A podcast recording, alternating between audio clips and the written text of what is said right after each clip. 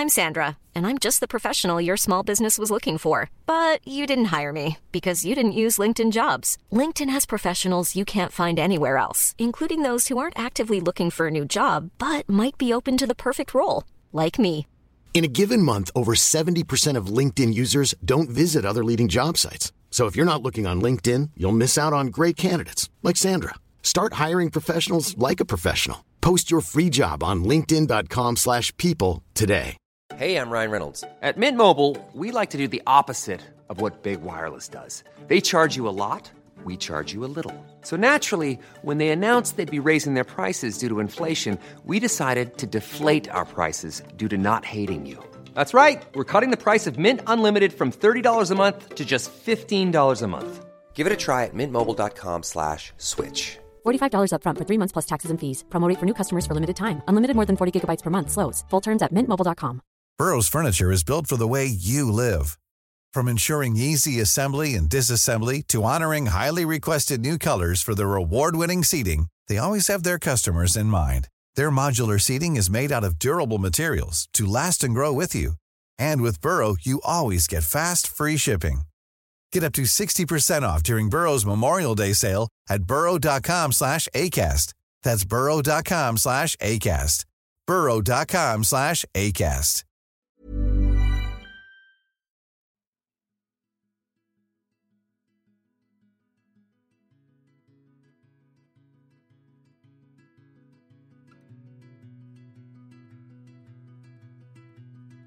Hej och varmt välkomna till podden Sorgsnack. Det här är en podd som berör allt som har med sorg och förluster att göra. När livet inte blev som vi hade tänkt. När något oväntat händer och hela ens liv vänds upp och ner över en dag. Och när vi tvingas ta farväl av någon vi älskar. Min förhoppning är att genom podden bidra till att hjälpa andra människor, utbilda och sprida kunskap. Jag som gör podden heter Lia, är journalist i grunden och även certifierad handledare i sorgbearbetning. Idén till podden föddes ett år efter att jag förlorade mitt första barn. Det var början på mitt nya liv. Livet som nybliven mamma och samtidigt änglamamma.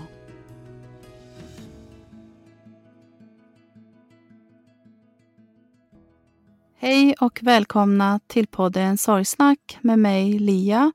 Och idag har jag nöjet att ha med mig Hanna som är grundare till Aurora sorgbearbetning. Hej Hanna och välkommen till podden. Hej, tack så hemskt mycket. Vad fint att du ville vara med. Ja, men så, så fint att du ville, ville ha med mig. Det känns eh, spännande. Jag hittade dig på Instagram så blev jag faktiskt väldigt nyfiken på vad du gör. Um, skulle du kunna berätta lite mer kring din roll som borgerlig officient, bland annat? Mm, mm absolut.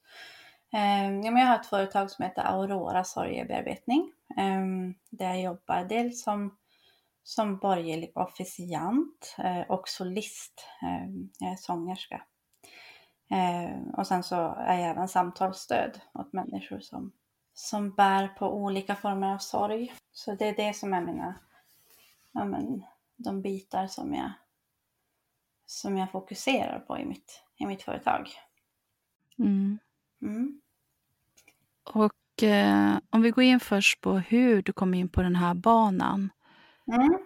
Eh, det är egentligen ganska länge sedan som jag började jobba med, med begravningar. Eh, jag har jobbat med mm, med människor i, i missbruk och eh, inom psykiatrin och sådär. Eh, men så är jag ju också då eh, sångerska och eh, började frilansa som det för ja, men det är många år sedan. Och, eh, för mig så var ju de, de flesta jobben som jag gjorde eh, var begravningsjobb. Alltså eh, på den tiden så, jag kommer från, från Pite, ehm, så på den tiden så var det där uppe i Pite eh, som jag jobbade tillsammans med begravningsbyråerna.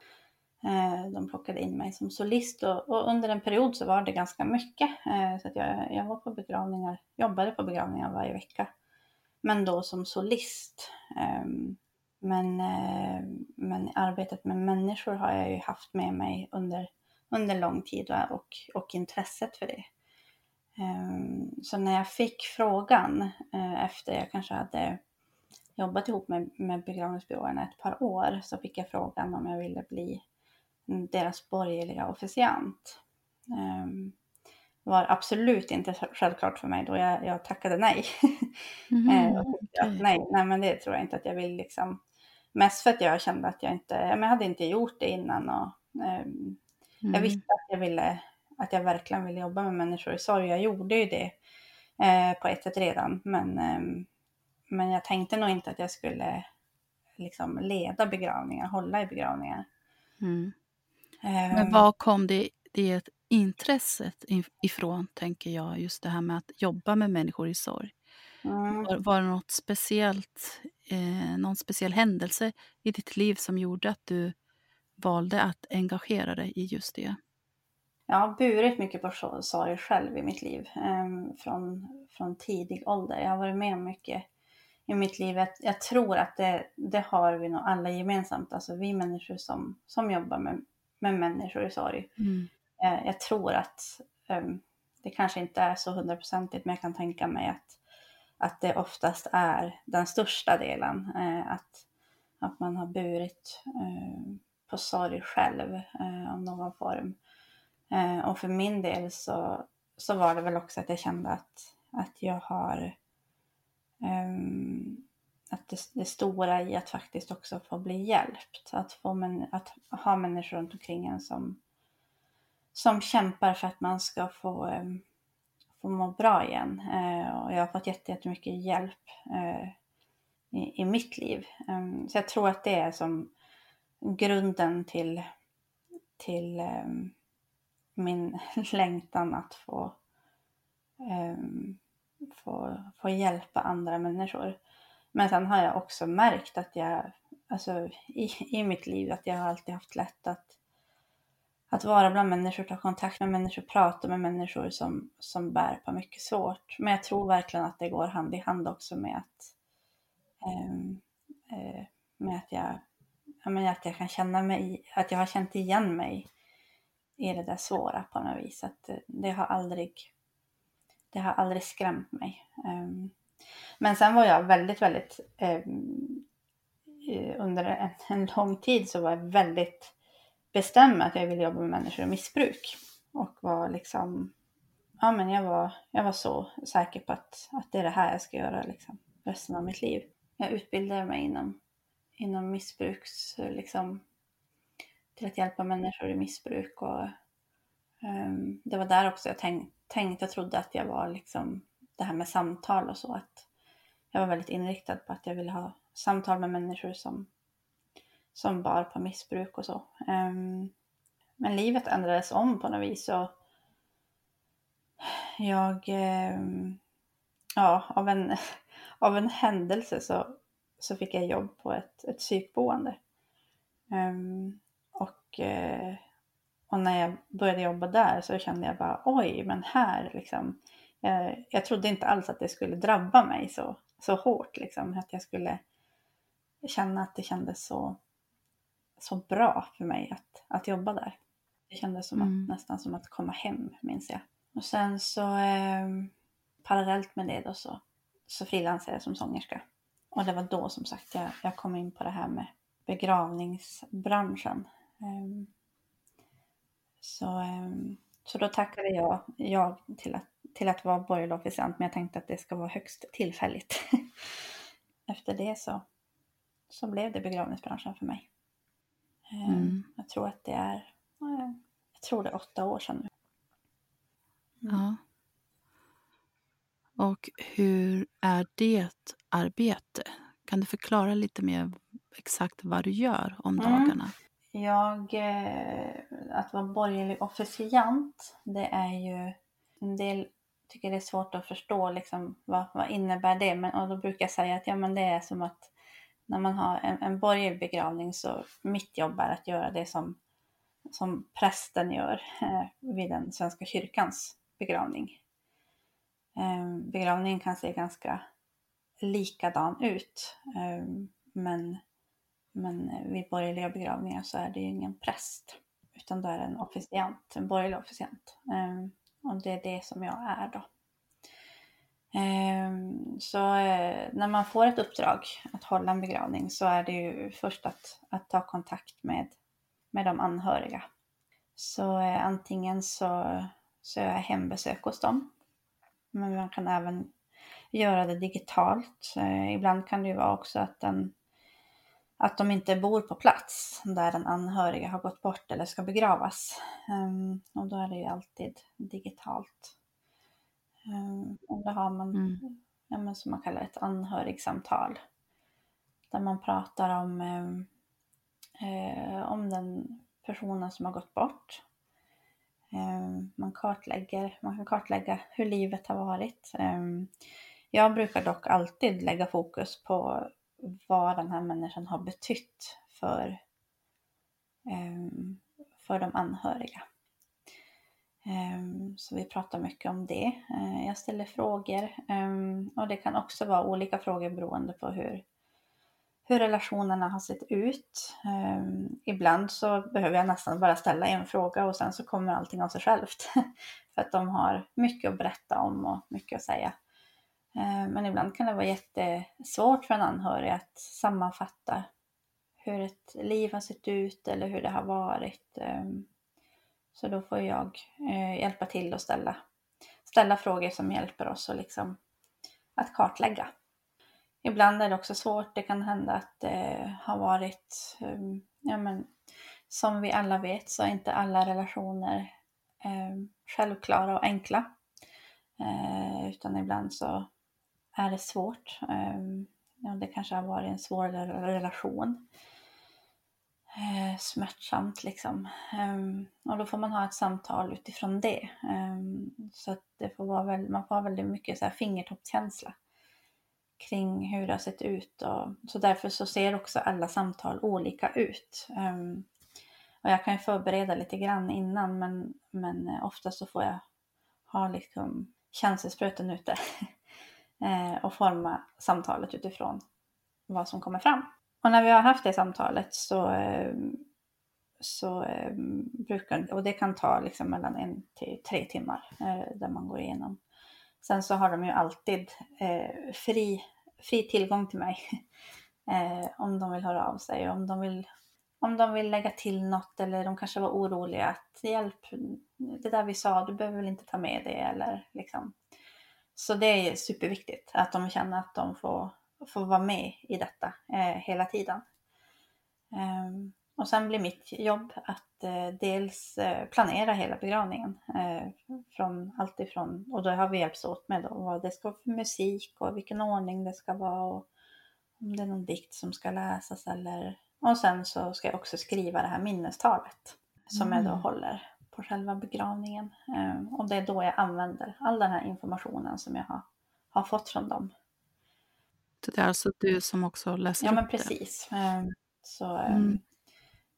jag brukar... Oftast är inte känslan av att jag, att jag läser upp det utan att jag, har, att jag, att jag pratar till dem. Liksom. Mm. Sådär. Och så de talen blir ju väldigt olika, för det beror ju på vad som... Det, det är väldigt personliga tal och utifrån mm. det de har berättat och sådär. För mig är det viktigt att de ska känna när de när begravningen är och så eh, att eh, ja men dels såklart att de verkligen har blivit lyssnade på men, men jag vill också verkligen eh, jag brukar tänka att mitt tal ska spegla den här människans liv på ett sätt som gör att, att det får bli väldigt närvarande och levande. Väldigt många som ska, som, som kommer till mig och som där man ska, ja men där de ska behöva begrava sin, sin anhörige är ju eh, väldigt många är ju eh, ja men, är rädda och oroliga. Alltså tack och lov så är ju inte det så, så ofta som vi behöver gå på begravning eh, som privatperson. Och ofta finns det en osäkerhet i hur det kommer att gå till, eh, hur det kommer att kännas och många har en, en jobbig känsla. Eh, och en, ja, men, en jobbig och otäck känsla liksom. Eh, så mitt jobb är ju att få de människorna att, att känna sig så trygga som möjligt eh, och att känna att det får bli en värdig och varm stund. Eh, trots det, det är så smärtsamma som, som det ändå är. Men Mm. att det ändå ska få bli ljust och värdigt. Eh, Mm. så ja, Jag förstår det. Det är ju verkligen ingen tillställning som man ser fram emot så att Nej. säga. Eh, Så. Nej, och sen är det ju också så skillnad om man om man har eh, ja men om det är att man ska begrava ja, sitt barn eller sin en, en ung människa. Eh, eller om man begraver sin mamma som är 93. Eh, alltså sorgen kan ju vara jättetung oavsett. Eh, Mm. men, men många gånger kan det ändå vara en, en skillnad i såklart eh, i hur, hur känslan är. Eh, att begrava en ung människa är ju, är ju så fel. Mm. Nej, men precis. Det är ju, ja, nej men det, det är liksom fel på alla, alla plan. Ja, det är, det är ändå någonstans, det är vi alla medvetna om någonstans att eh, det är så här livet Ja. går till. Eh, men att det ska göras i rätt Ja. ordning så att säga. Som när det blir så som du säger att det är en ung människa eller ett barn så är det ju verkligen fel Ja. ordning. Det blir så fel. Mm. Ja, det, och sen så ehm, jag tänker på på det här med um, ja, jag kan, man kan verkligen bli drabbad av, av människor uh, när, man, när man jobbar med människor. Uh, och en sak som, som slog mig uh, för några år sedan vid en begravning så, så var det en människa som, som vi skulle begrava som var, ja, men han var kring 70. Um, ehm, och så, så var ju ändå ett, ett det var ju inte ett, eh, alltså han var ju inte jätteung liksom. Men hans föräldrar fanns i livet. Eh, De var ju över 90 år.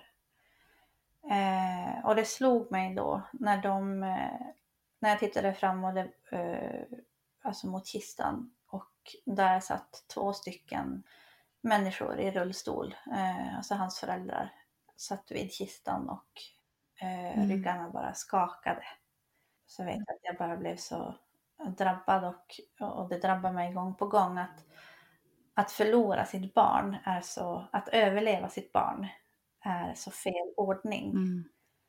Eh, så även om man kan tänka att, ja, men, eh, att den människan har fått leva ett, ett liv, eh, att, ja, men att ändå liksom att föräldrarna överlevde sitt barn är så otroligt smärtsamt. Ja, men precis. För för dem spelar det ju ingen roll. Nej. Eller alltså, det spelar ingen roll hur gammalt ett Nej. barn blir. För, för ens föräldrar så kommer det alltid vara alltså Ja, ens barn oavsett. Precis. Eh, Och det tycker jag att man, det slås ju av varje gång eh, som, som föräldrarna finns kvar i livet. Ehm, Att det är, det är en sorg som är så påtaglig eh, på ett sätt som inte går att värja sig eh, ifrån. Ehm, När man möter människor. Ehm, Det är så fel på något vis. Ja. Men hur ofta håller du i begravningar? Utöver själva planeringen, hur ofta är det begravningar? Åh, det är jättesvårt att säga för det kan vara eh, Det beror på hur eh, hur ofta det är borgerligt. Jag har ju även jobbat Mm. på, eh, på byrå, alltså begravningsbyrå. Och då var det ju Okej. jätte eh, olika. Eh, då kunde det ibland komma nästan nästan eh, eh, sjok av, av borgerliga begravningar. Alltså det, då tyckte man nästan att alla ville ha det. Eh, men så blir det en period där ingen har det nästan. Mm, alltså man har ju haft när man har begravningar liksom eh, en gång i veckan ibland att det är två på samma dag. Sen går det flera veckor och ingenting. Men när jag jobbade på, på begravningsbyrå då är det ju där är det begravningar hela tiden. Men det är för att då har man ju både de borgerliga och de Svenska kyrkan. Så. Men då har man eh, andra roller. Då är det inte att man håller begravningen alltid utan då ibland håller, håller man i begravningen och ibland är man representant och solister ibland och sådär. Det är också väldigt um, just det här med hur, hur folk um, ja, men, dör. Man brukar säga att oftast så är det ungefär, ungefär lika många som dör varje år. Eh, men man kan inte alltid se när, ehm, när högsäsong är eller vad man säger. Alltså det, eh, men, men när man slår ut det så brukar det vara ungefär lika många varje år. Ehm, men känslan kan vara att oj, nu är det jättemycket. Eh, eller oj, nu, nu är det ingenting. Eh, men det är för att det går så i vågor. Men, men slår man ut det så är det ungefär lika många. Mm. Vad skulle du säga är det bästa med ditt jobb? Det är utan tvekan eh, att få möta eh, alla dessa människor. Eh, att få förtroendet att få, eh, få möta dem i samtal men också att få, få liksom göra det sista um, det sista av deras anhöriga, liksom den tiden får bli värdig och fin, att få göra den värdefull. Mm. Um, så. Um, och att jag brukar ofta få frågan så här, men hur, hur orkar du jobba med sorg eller hur, hur är det att jobba med, med döden på det viset liksom. Att just möta människor ja. i sorg mm, konstant. Ja. Men jag upplever det så otroligt fint. Um, och sen är det också så att i mötet med alla de här människorna så får jag också uppleva väldigt mycket glädje. Um, för i alla de här samtalen så så kommer det fram så mycket kärlek och, eh, och glädje och värme. Och, man får ju såklart se också det svåra och det smärtsamma och det även så här baksidan med, i relationer. Eh, men man får också se otroligt mycket fint som eh, där jag kan känna verkligen om jag går hem från en arbetsdag kan jag känna mig som wow, tänk att jag får göra det här. Att få mm. vara en del av det och att få, få hjälpa människor på det sättet. Sen är jag inte på något sätt liksom immun mot, alltså jag, um, att, att jobba med människor i sorg är såklart, det är klart att jag drabbas liksom, alltså drabbas, um, jag drabbas ju inte personligen av deras sorg, men jag drabbas av människor. De berör mig. Mm. Uh, deras livsöden berör ja, mig. såklart. Eh, mm. Verkligen. Och, och, det är klart att man stöter på saker som man känner det är så otroligt orättvist. Och, men det känns väldigt värdefullt att få vara, eh, att få stå bredvid dem i det. Och att få hjälpa till med det som jag kan. Det som är min styrka och så. Eh, det känns jätte, jättefint. Ja, men det kan jag ändå förstå att det måste kännas väldigt alltså, värdefullt. Ja. Och någonting som ger mening ändå. Ja, verkligen. Mitt i det värsta för dem. Framförallt för anhöriga då, som, som ska genomgå det här och ta sig igenom en begravning. Ja, att det... Och det tänker jag att det... Nej men det vet vi ju alla, alltså oavsett vad vi har gått igenom så, så vet vi verkligen hur det är när när man står i en situation som man inte reder ut själv eller där man inte vet åt vilket håll man ska gå åt eller hur, hur ska jag göra det här? När någon, när någon som kan det kommer in och hjälper eh, så vet vi ju, alltså oavsett vad det, vad det gäller, eh, vilken hjälp det är och vad det får betyda mycket. Ehm. Ja, med någon att luta sig mot eller någon som bara kommer och ja, men ta en i handen och leda en och finns där vid en sida hela ja. vägen. Men sen är det ju också så att jag känner mig så, jag är, jag är så tacksam för att få möta de här människorna. Det är ju, och så tänker jag om alla människor som jag har mött i mitt liv. Eh, jag, jag har fått möta mycket människor i, så i olika så situationer och i samtal och i, genom livet. Och, och jag är så enormt tacksam för dem. Ehm, det de gör med mig och med mitt hjärta. Det, det finns, jag har verkligen så här specifika så här människor och människomöten där, som, där jag känner så här, oj, det här, det här förändrar mig på djupet. Skulle du kunna dela med dig av ett sånt möte där det verkligen har varit alltså, livsavgörande för, eller för, så här, på något sätt påverkat dig, att det har förändrat dig till det positiva? Ett starkt möte som du har liksom, som än idag hänger med dig? Mm. Jag... Eh, det är inte, inte ur, ur begravningssammanhang, men jag kan berätta om ett möte med en, med en människa som... Eh, jag har eh, dels så... Jag har, jag har liftat mycket eh, med lastbilar genom livet. Jag hade en period. Spännande. Ja, ja, det var spännande. Jag, eh, jag hade ett par år där jag liftade mycket. Jag eh, kommer som sagt uppifrån Piteå och eh, bor i Jönköping. Mm. Har bott i Jönköping omgångar. Då var det så att jag behövde ta mig hem eh, snabbt liksom. Och eh, biljetterna var jättedyra. Flygbiljetter.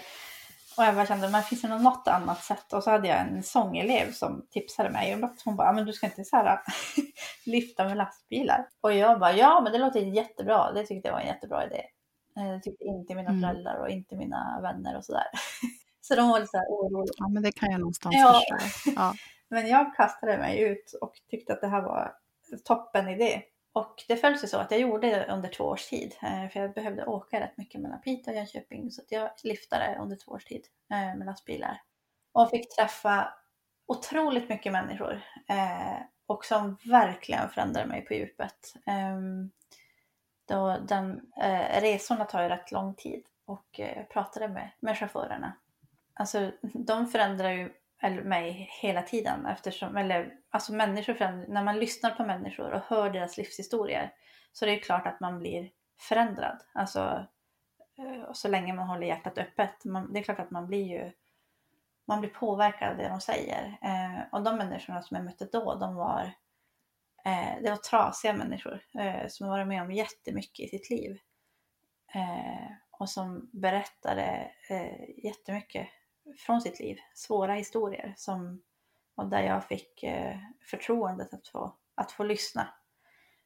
Um, och det, eh, jag skulle kunna ha ett, eh, jag skulle kunna skriva en bok om, om, alla de här mötena för det är så, det, det, var så häftiga grejer som, som hände och som var, och när jag säger häftiga så menar jag alltså bara, um, alltså det hände så mycket, de berättade så mycket om sitt liv och, och eh, deras, eh, vi fick betyda mycket för varandra tror jag. Eh, liksom, jag lyssnade mycket och de, ja men det blev, det blev väldigt speciellt. Men då var det nämligen en person som, som jag åkte med ganska många gånger. Som, eh, ja han, han bad mig att komma till, ehm, eh, vad heter de här avlast, eller där de lastar? Kajen. ja precis, ja. ja. Eh, eh, så och det finns ett sånt ställe ganska nära här i Jönköping. Ehm, så han bad mig att eh, komma dit. Ehm, det här var ja, men när jag hade liftat i kanske så två års tid eller någonting. Ehm, och han skulle sluta på sitt jobb. Så han bad mig att komma dit för att bara så här, ta en fika, eh, för han ville prata med mig. Så det gjorde jag. Och så satt vi där i fikarummet och jag vet att hans rast tog slut. Jag visste att han behövde gå. och så gjorde han inte det utan han gick och vankade av och an. Eh, och han liksom snurrade på sin snusdosa och jag, visste, jag förstod att det var något han ville säga men inte riktigt vad. Och så, så sa jag, men vad är det som du bär på? Vad är det som du... Jag har bara en sak jag vill säga till dig, sa han. Som jag vill att du ska veta. Och det är att när vi träffades, när du klev in i den där lastbilen så stod jag på liksom avgrunds... Jag, jag stod, han förklarade som att han stod vid ett berg och var redo att hoppa. Där var han i sitt liv. Alltså, det var så mörkt och det var så svart och jag var så fylld av hat. Och jag hade bestämt mig för att hoppa. Men så klev du in där och så började vi prata. Och vi har pratat och pratat Och han sa, jag vet inte vad det är du har sagt, jag vet inte vad du har gjort.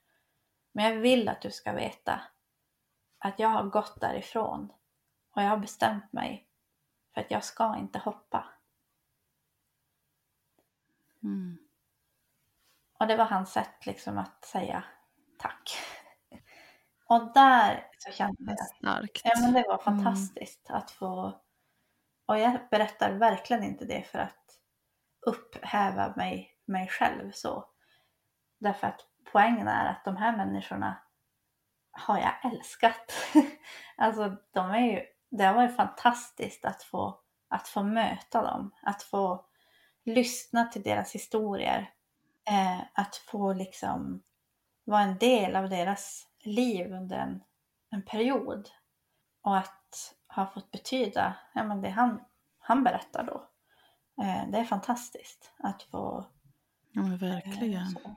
Sen var det en, en annan av, av dem som jag också fick prata med så, så mycket, eh, som jag hade kontakt med under, under flera år, som tyvärr eh, valde att, att ta sitt liv eh, för några år sedan och det var jätte, jätte tungt såklart. Vi hade ju pratat, han hade ju berättat jättemycket om sitt liv och, eh, och sådär.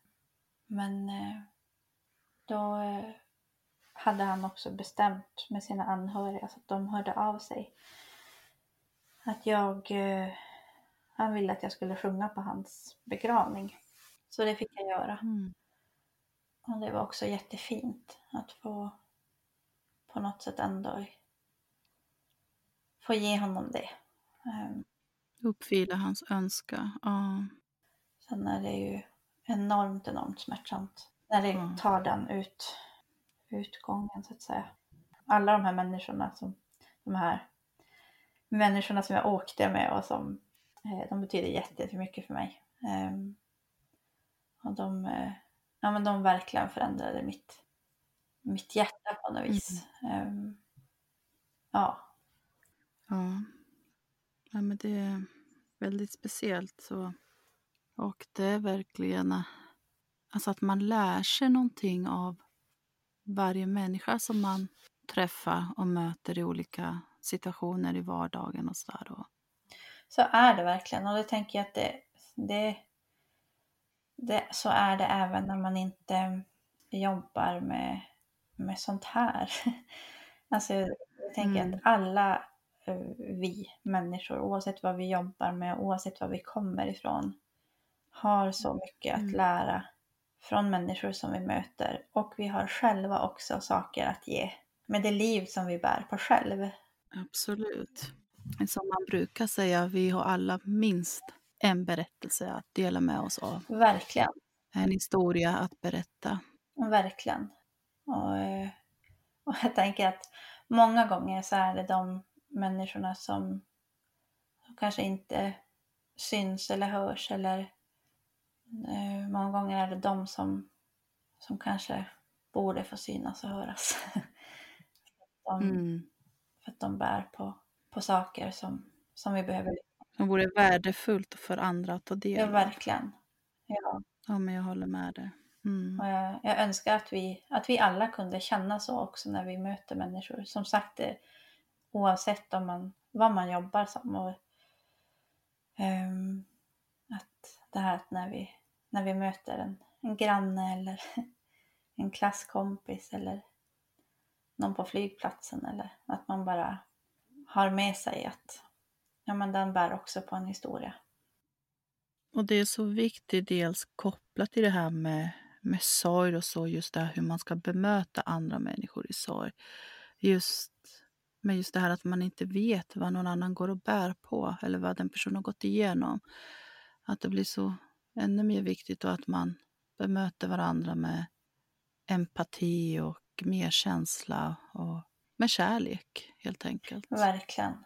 Man önskar att, eh, ja, men att, att, att det var så ännu mer.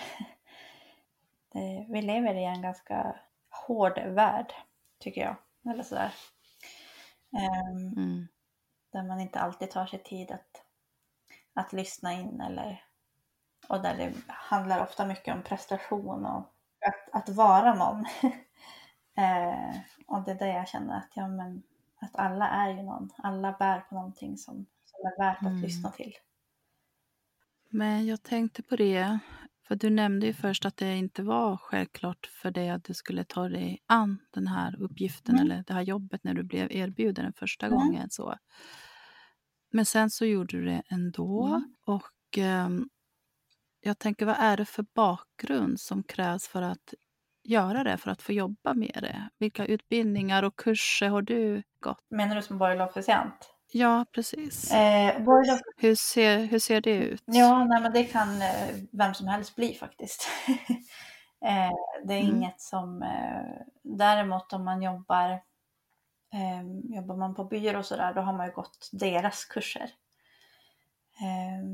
Eh, som, alltså om man jobbar på begravningsbyrå, då har de ju egna, egna Mm, kurser som man såklart eh, går eh, och sådär.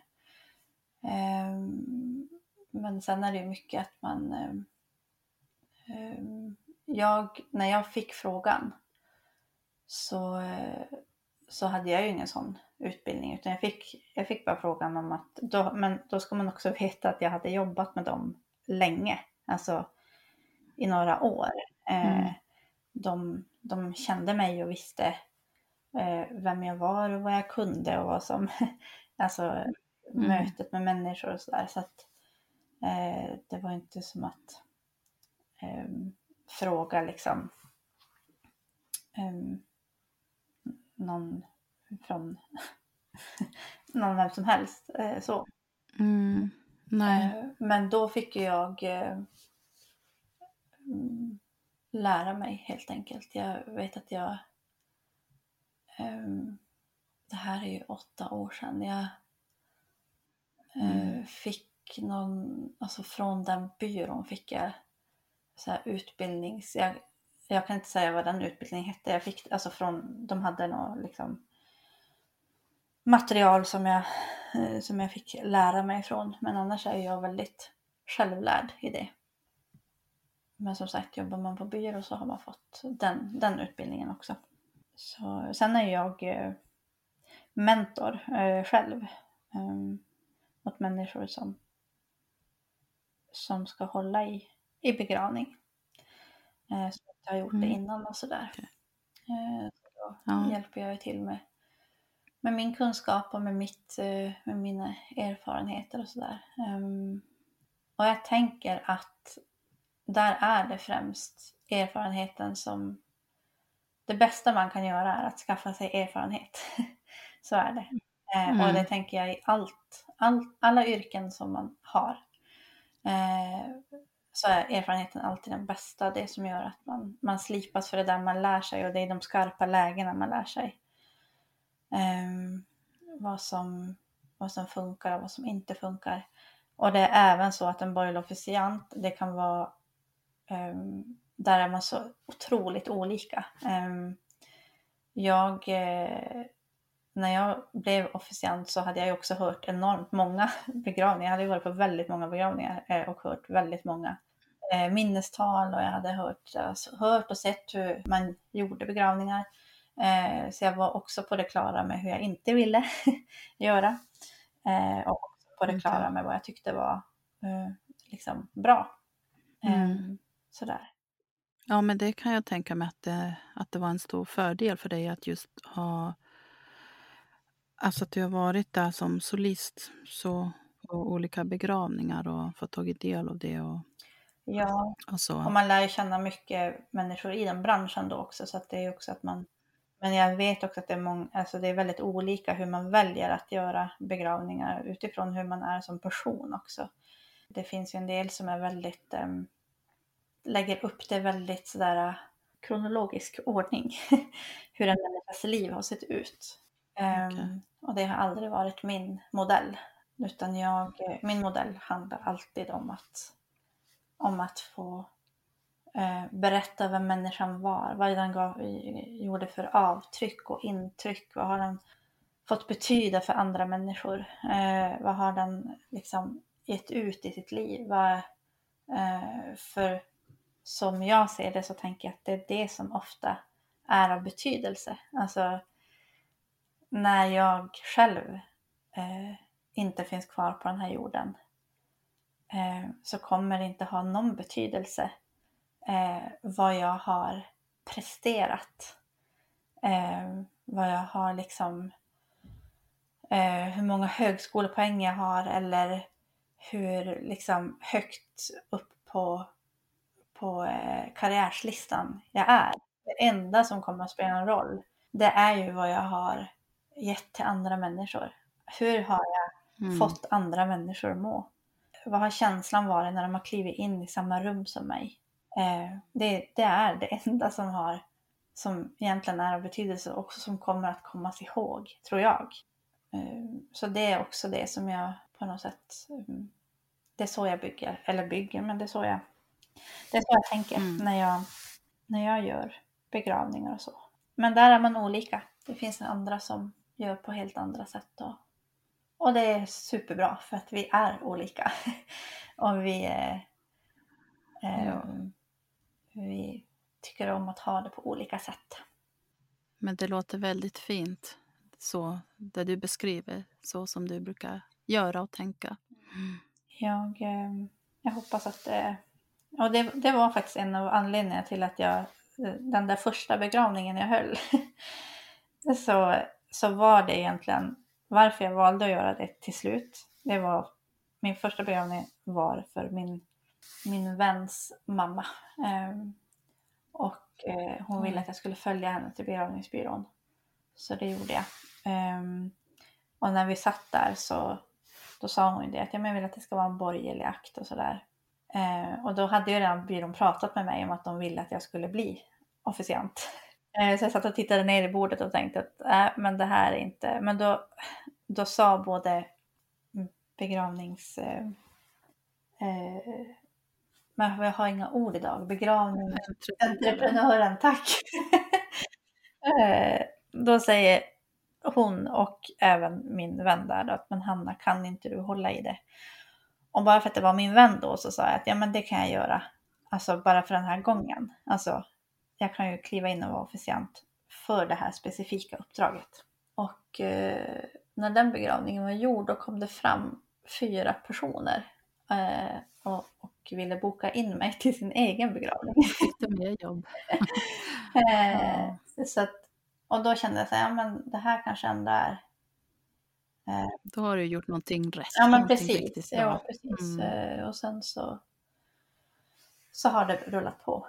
Eh, jag mm. känner absolut att det, att jag, ja men att det, att det känns bra och rätt. Att du är på rätt plats. Ja, mm. Um. ja det låter verkligen som det i alla fall. Mm. Men jag tänker, i din sits så, som jobbar med det här och så nära döden mm. på det sättet. Alltså det blir så påtagligt och så. Det får ju en själv att kanske sätta sig in i det mer och verkligen dels uppskatta livet eller se det med andra ögon, få helt annat perspektiv på saker och ting. Men jag tänker också, är det så att du själv, i och med att du jobbar med det du gör, att du själv har planerat för din egen begravning och framåt? Hur du skulle vilja ha det? Nej, jag har inte planerat. Eh, alltså jag, jag kan ibland så när jag hör en låt eller så tänka att den här kanske jag ska ha på min begravning. Och, men det där skiftar så mycket för att jag, jag eh, tycker att många låtar är bra. Mm. Nej, men du vet att, man, att jag, så jag har hunnit ändra mig några gånger. Jag har inte skrivit något vita arkiv. Däremot pratar jag med mina anhöriga Eh, mm. Med sådär att eh, hur man tänker och sådär. Eh, hur man vill, ja men sådana saker till exempel. Vad vill man för låtval?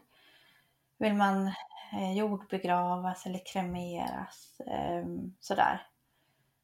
Mm. Sådana saker har jag gått igenom. Som sagt, jag har inte skrivit ner det, men jag håller nog dialogen öppen. Men du har förmedlat det? Ja, men det har jag. Till dina nära. Mm. Ja. Samma sak som att vill man eh, donera och sådär om, eh, om det skulle bli så. Ehm, så att jag ändå har gjort klart de här viktiga sakerna. men eh, men jag, jag måste säga att jag tänker faktiskt inte... Alltså begravningen är ju bara en dag, ett tillfälle. Där, jag tror att jag mer istället bara uh, i det här yrket så blir man enormt medveten om att man kan dö precis när som helst. Ehm, att, eh, att livet är liksom, livet plockar, plockar vem som helst. Ehm, och att, eh, att man, man blir väldigt medveten om det. Ehm, så jag tror att för mig handlar det mer om att jag är så medveten om det, att jag är supermedveten om att, om att njuta av, av livet när jag kan det. Eh, att vara tacksam för varje dag som jag får och varje dag som jag får tillsammans med de människorna som jag älskar. Där är jag, är, lever jag väldigt liksom med, alltså jag är väldigt medveten om att det är ingen självklarhet.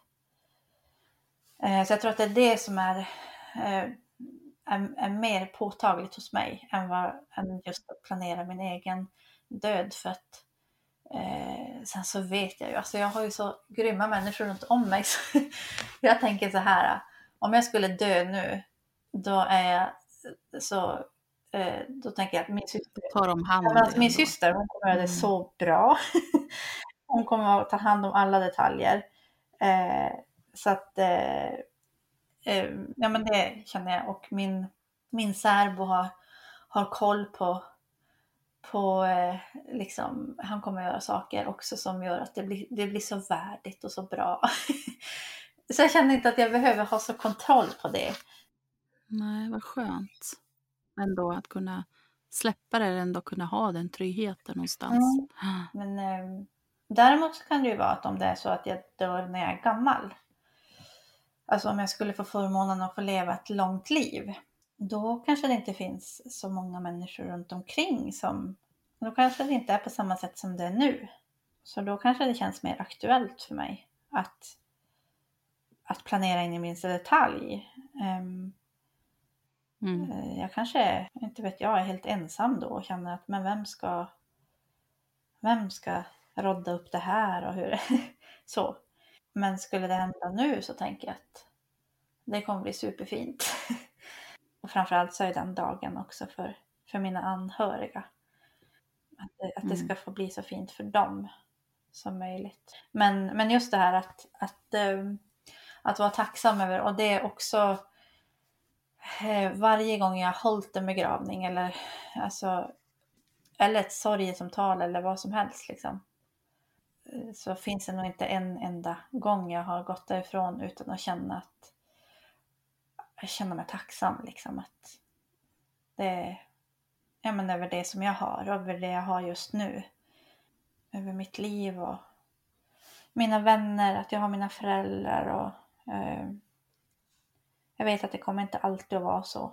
Um, mm. Och eh, så det känner jag mig jätte, jättetacksam över. Um, och sen vet jag ju också av livets erfarenheter i mitt eget liv att det är inte heller bara, det är inte bara döden som, som ger mycket smärta och sorg. Ehm, så även om man, om man får ha människor runt omkring sig så, så kan man drabbas mycket av, av, av livet och av sorg. Ehm, och det tar jag heller ingen, ingenting för givet.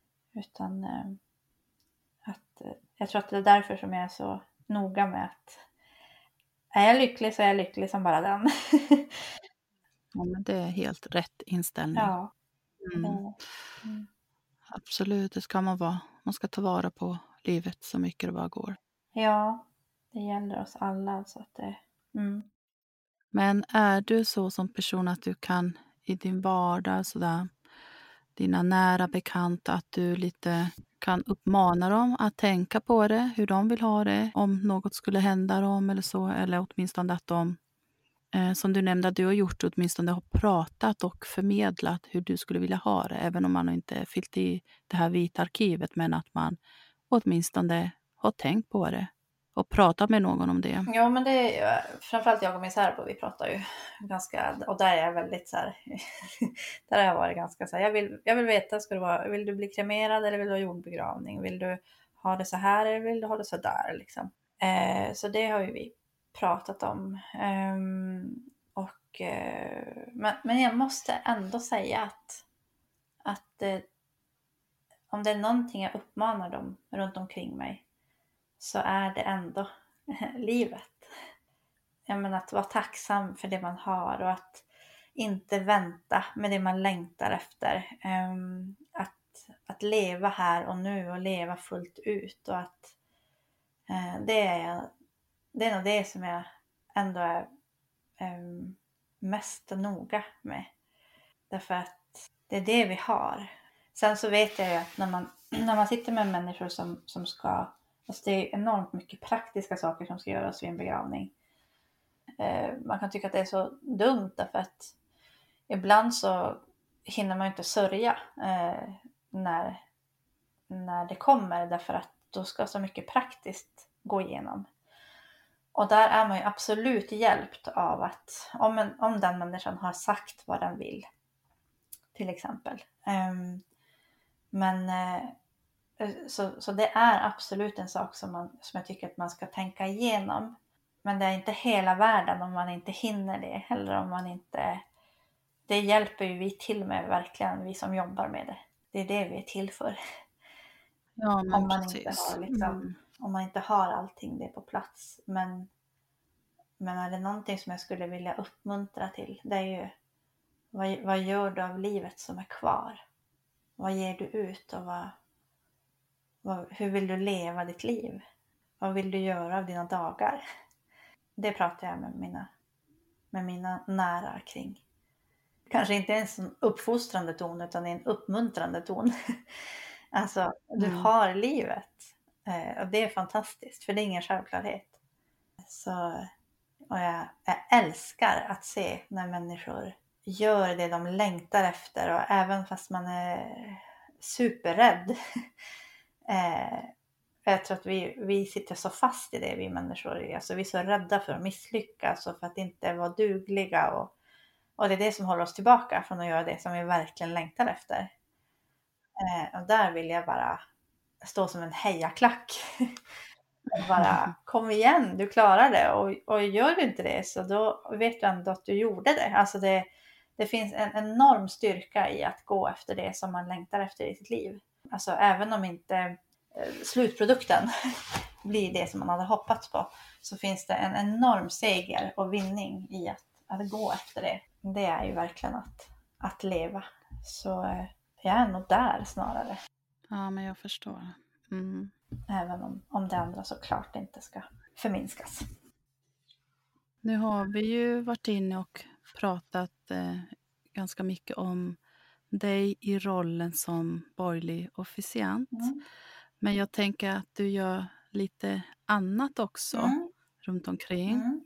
Du har ju till exempel det här kontot på Instagram. Mm. Du nämnde att du brukar ha samtalsstöd. Mm. Men du har ju också en eh, podd, Ja. Sorgepodden. Ja, precis. Kan du berätta bara lite kort om de delarna också? Mm. Sorgepodden, där eh, bjuder jag in gäster som har, som har burit eller bär på någon, någon form av sorg. Eh, jag vill även bjuda in gäster som, har, som bär på sorg. Som, alltså sorg är ju så stort och så brett. Eh, det kan ju handla om att man sörjer det liv som har, alltså hur, hur livet har blivit. Eh, man kan ju sörja en separation eller skilsmässa eller sjukdom eller sådär. Eh, så sorg är ju så otroligt brett. Så det är egentligen ett, det jag bjuder in till ett samtal. Det behöver inte vara att man pratar i en podd eller pratar i allmänhet. Liksom. Det kan bara vara att man vågar berätta det för någon. Alltså vågar berätta att vad man bär på. Eh, det finns en enorm styrka i det. Och ett enormt hopp i det. Ja, och vi har alla behov av att prata framför allt. Ja, Oavsett vad vi har gått igenom ja så behöver vi få prata. verkligen. Verkligen. Ja, men vad fint. Men hur, länge har du haft podden nu och hur ofta brukar det komma ut nya avsnitt? Ja, eh, jag, eh, när var det, den- Men eh, min tanke är att släppa varannan fredag. Ett avsnitt. Ehm, så ehm, ja, får vi hoppas att det, att det går, men om det inte går så är det ju så med livet. Eh, ja, men precis. Sådär. Men jag släpper det på min Instagram och Facebook så, så mm. eh, skriver jag ju alltid när det, när det släpps och så. Och det här med samtalsstöd som du också erbjuder, mm. är, det, är det då också att man ses på plats eller är det telefon eller länk? Äh, det, dels är det digitalt, alltså länk. Eh, men sen är om man förutsatt att man bor i i Jönköping och Värnamo-området, för det är därifrån jag utgår, så gör jag även hembesök. Mm. Um, så, att, um, så det kan man göra, men, men då måste det vara ett avstånd som är, som är uh, okej. Okay. men det är det som också som jag upplevde uh, i det här med pandemin, uh, där just det här med digitalt, jag vet inte om du också har, har upplevt det, Ehm, men att eh, det hände någonting med pandemin. Eh, att eh, det öppnade upp sig för, för det digitala på ett annat sätt som det inte har gjort Absolut. innan. Mm. Jag, jag, jobbade på, på begravningsbyrå då. Och då blev det här att man fick, man fick, vi tog emot kunder men en del ville ju inte komma eller kunde komma. Eh, på grund av pandemin. Ehm, så då fick man ha digitala samtal och så. Ehm, och livestreama begravningar ja, också, blev det lite mer vanligt? Ja, eller, ja, precis. Och det var, en lösning på det hela. Ja, det var, och det mm. var väldigt, för oss som jobbade så var det väldigt nervöst. Eh, för att vi inte hade gjort det innan. Eh, men ganska snabbt så kommer man ju in i det och ser verkligen fördelarna med det. Ja, ja men vad fint att få höra lite om mer om hur det funkar, hur det är att jobba med som borgerlig officiant och sen dina andra projekt också såklart. Och jättefint att du ville dela med dig. Men jag tänker, är det någonting utöver det som vi redan varit inne på och tagit upp som du tänker att du vill skicka med till eh, lyssnarna, de som sitter och lyssnar på det här? Ja men det är nog att det som jag var inne på. Dels att våga prata om det som är svårt. Ehm, att eh, ha någon som man vågar, vågar berätta om hur man har det. Liksom. Eh, men också att, att ta vara på livet. Ehm, och jag säger det med all liksom, ödmjukhet inför vad, som, inför vad människor kan ha gått igenom. Ehm, det kan också kännas svårt att ta vara på livet när man när man bär på tung sorg eh, eller när man liksom har gått igenom något. Eh, det kan nästan bli ett hån att behöva ta vara på livet när, det, när livet har rasat. Men att ändå på något sätt. Jag vill också verkligen, verkligen säga det också att, det, att hur, hur mörkt det än är just nu eh, så, så kan det få, få ljusna och att livet verkligen kan få, även om det, det blir inte som innan, men det kan få bli bra. Och att ta vara på, på det livet. Tack för dina fina och kloka ord, verkligen. Tack för att jag fick vara med och få prata med dig. Ja, och till er som har lyssnat. Tack för att ni har varit med oss ännu en gång. Och eh, vi hörs snart igen. Hej då. Hej då.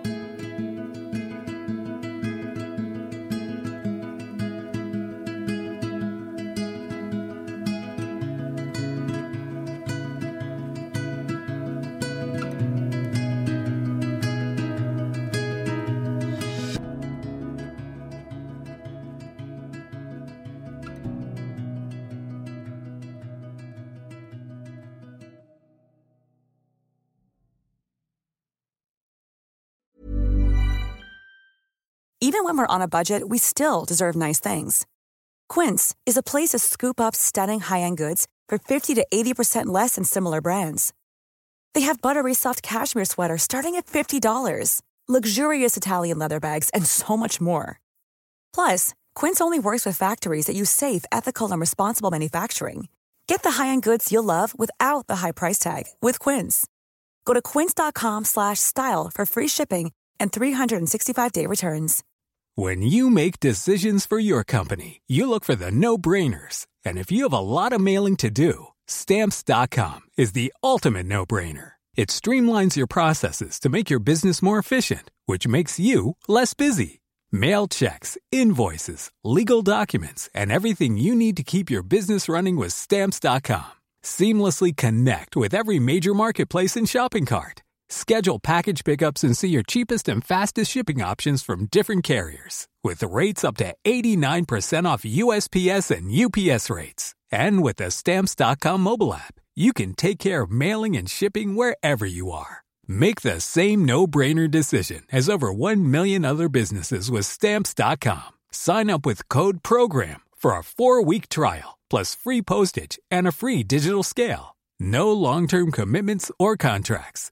That's stamps.com. Code program.